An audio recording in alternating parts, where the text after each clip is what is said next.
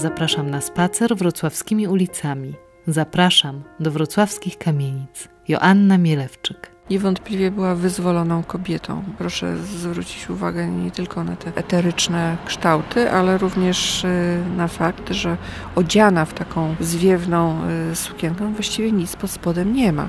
Przede wszystkim nie ma tego, co y, najważniejsze, czyli korsetu, a kiedyś kobieta przyzwoita to była kobieta dobrze zasznurowana. Mam nadzieję, że Państwa wyobraźnia została właśnie pobudzona. Zapraszam do jednej z najpiękniejszych, moim zdaniem, wrocławskich kamienic, nieco ukrytej na rogu Prądzyńskiego i Łukasińskiego na przedmieściu Oławskim. Wyróżnia ją postać kobieca na fasadzie, secesyjne zdobienia, wieżyczka i to, że pod jej oknami ustawiają się chętni, by ją fotografować. Kobieta na fasadzie przez mieszkańców nazwana została Martą. Może dlatego, że kiedyś Łukasińskiego to była Marta Strasse, a może dlatego, że Mart na przedmieściu Oławskim jest kilka – ale wracamy do naszej i do mieszkania Barbary Kwiatkowskiej. Gdzie jest Marta?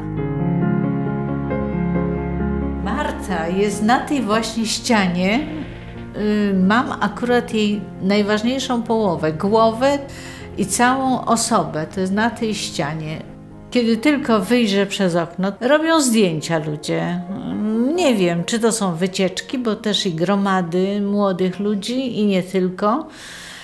Wszyscy nastawiają aparaty i fotografują tą Martę, która jest no, piękną rzeźbą, tylko no, zaniedbaną. Wymaga renowacji, konserwacji. Może, może to zrobimy, bo w większości w tym budynku to są mieszkania wykupione, prywatne a zatem czeka nas duży wysiłek finansowy, żeby zrobić elewację budynku. Tak, proszę Panią, ja mieszkam od 46 roku w tym mieszkaniu.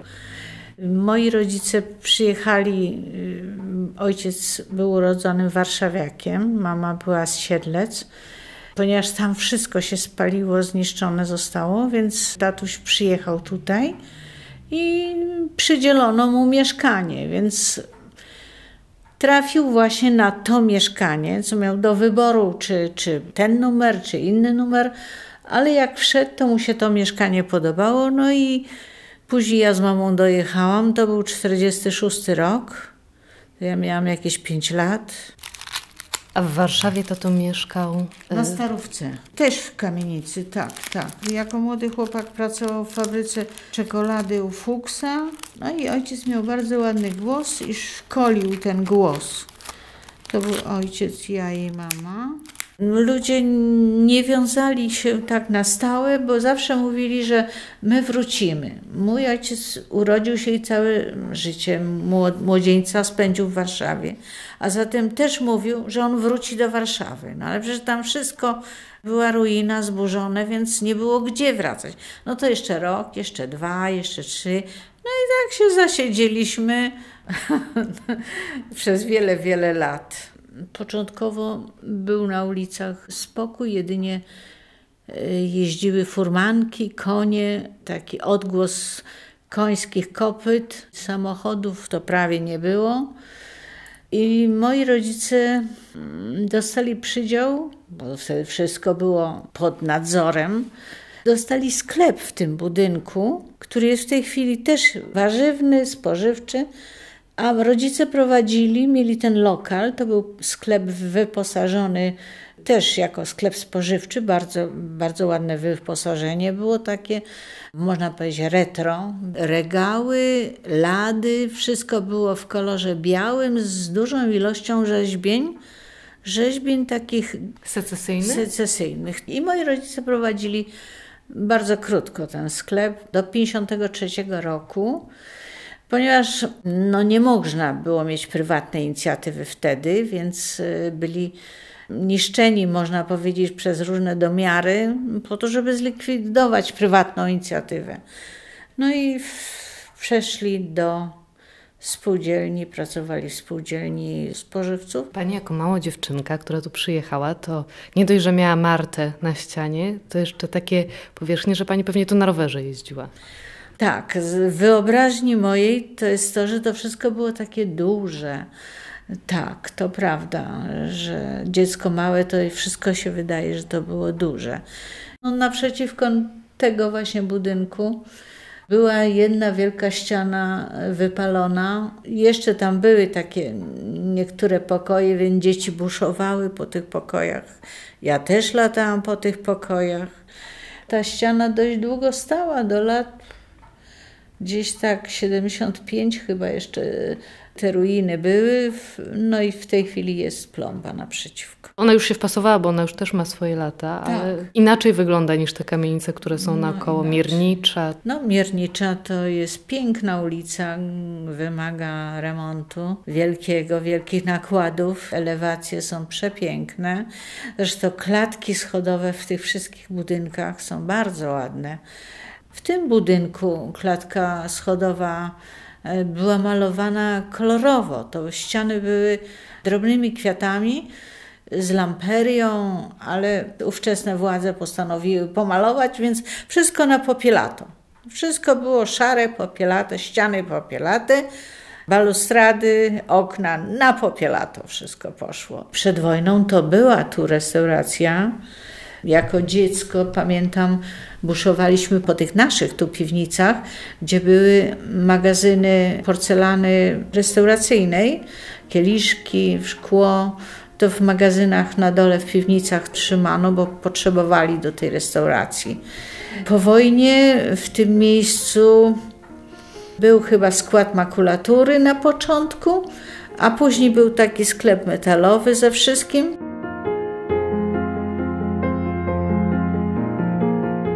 Ojciec mi mówił, że, że jeszcze dwie Niemki były w tym mieszkaniu i musiały opuścić to mieszkanie. Tak to wyglądało.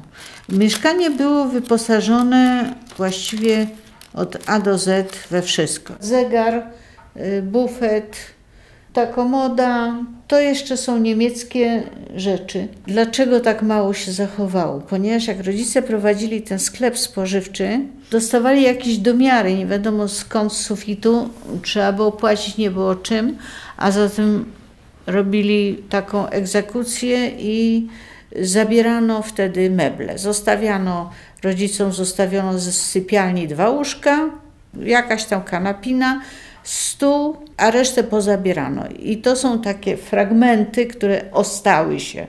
Ten bufet jest tak ciężki, że podejrzewam, żeby go nie ruszyli.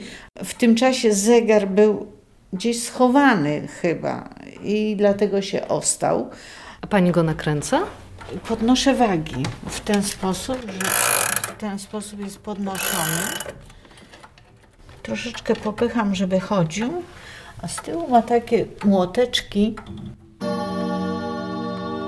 W ten sposób on wy, wybija godziny. Tak?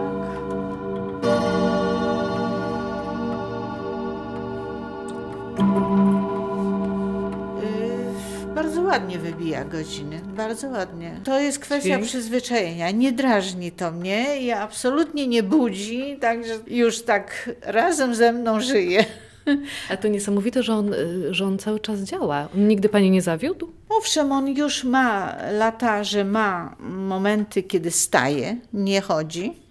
Kilka razy byłam u fachowca, nie za bardzo poradził, bo dalej ma te same wady, że y, nagle nie chce mu się chodzić, ale chodzi.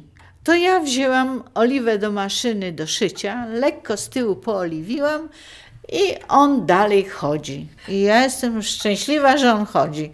On ma co najmniej ze 120 lat. Pojawiali się kiedyś byli mieszkańcy? Pytali o to właśnie mieszkanie? Właśnie nie. Właśnie tak się nawet zastanawiałam, dlaczego nigdy nikt z Niemiec nie przyjechał. Nie ma potomstwa, pokolenia następnego. Nie, nie spotkałam się. Ja powinnam się stąd wyprowadzić, bo ja już mam swoje lata i ja już nie, nie zawsze mogę podołać sprzątaniu, remontom. Bardzo, bardzo trudno się z tym trzeba pogodzić, że już nie ma tyle siły, ale pomimo wszystko staram się utrzymać to mieszkanie w dobrym stanie. W tej chwili nastąpiła roszada w budynku. Jedni sprzedali mieszkania, dru drudzy kupują te mieszkania. W tej chwili trwa remont na pierwszym piętrze usprawniają, remontują łazienki, bardziej wyposażają, żeby były ładniejsze. Ogrzewania już nie są piecowe. Mimo, że piecu pani stoi. Tak, ja zachowałam piece, bo to jest i ozdoba, i na przyszłość nie wiadomo, co nam jeszcze może przyszłość przynieść. Czy nie będzie potrzeba rozpalić w tym piecu, bo piece są w każdym momencie czynne i można w nich coś rozpalić i ogrzać. Były piękne piece, ale za właśnie czasów komuny nie podobało się, zaczęli produkować proste kafle.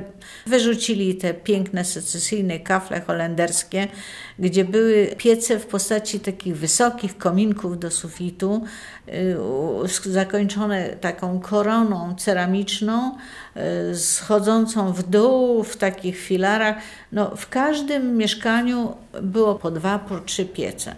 A Ponieważ komunie się to nie podobało, nie było to modne, no to przed z dół, no piec rozebrał, wyrzucił na śmieci i stawiali kadłubki, takie brzydkie, brzydkie kadłubki piece. To ja mam jeszcze takie pytanie, bo to jest jeden z takich najbardziej tajemniczych budynków, bo on jest piękny, trochę schowany. Trzy kondygnacje, mhm. czwarta to jest poddasze.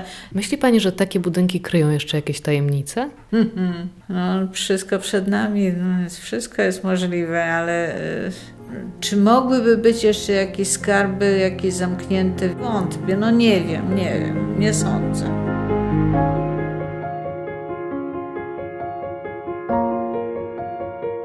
Wydaje się więc, że dziś największym skarbem jest sama secesyjna kamienica i zagadka, czy kobieta na fasadzie to Marta.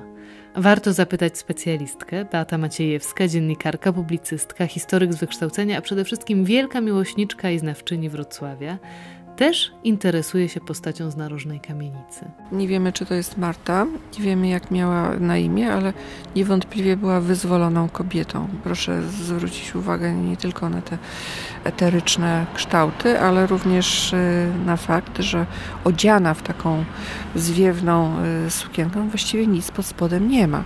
Przede wszystkim nie ma tego, co y, najważniejsze, czyli korsetu, a kiedyś kobieta przyzwoita to była kobieta dobrze zasznurowana jak czyta się opisy tego kobiecego rynsztunku, to widać wyraźnie, że zanim by ewentualny uwodziciel wszystko to rozsznurował, to na pewno ktoś zdołałby wejść i uratować kobietę od upadku. Więc ta kobieta niestety może upaść, ponieważ jest zbyt lekko ubrana. Z czego to może wynikać? Że to właśnie feministka? Czy że to kobieta wyzwolona? Nie wiem, czy ona była wyzwolona, czy też pragnienie e, spotkania wyzwolonej kobiety nosił w swoim sercu architekt Max Kinel, który stworzył to dzieło dla aptekarza Georga Halmana, o czym zresztą przypomina monogram inwestora na portalu e, wejściowym. Kamienica była gotowa w 1907 1907 roku, czyli no w tym okresie, kiedy secesja jeszcze królowała. W związku z tym ona jest taka bardzo kobieca, wszystko tutaj się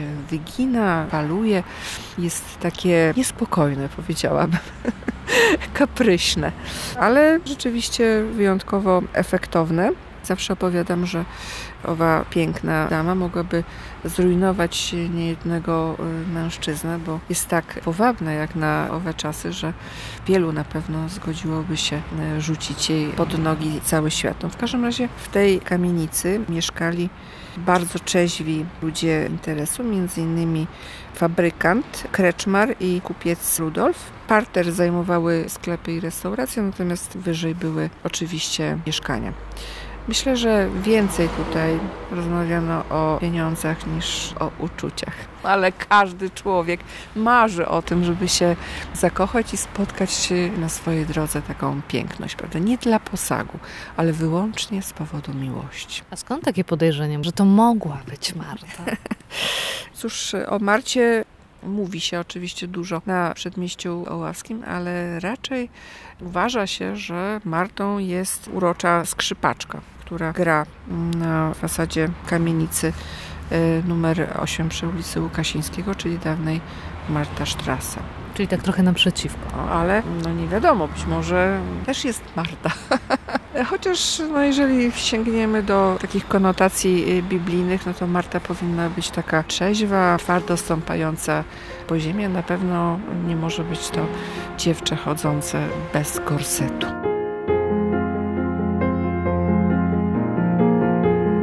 Zostawiam zagadkę nierozwiązaną.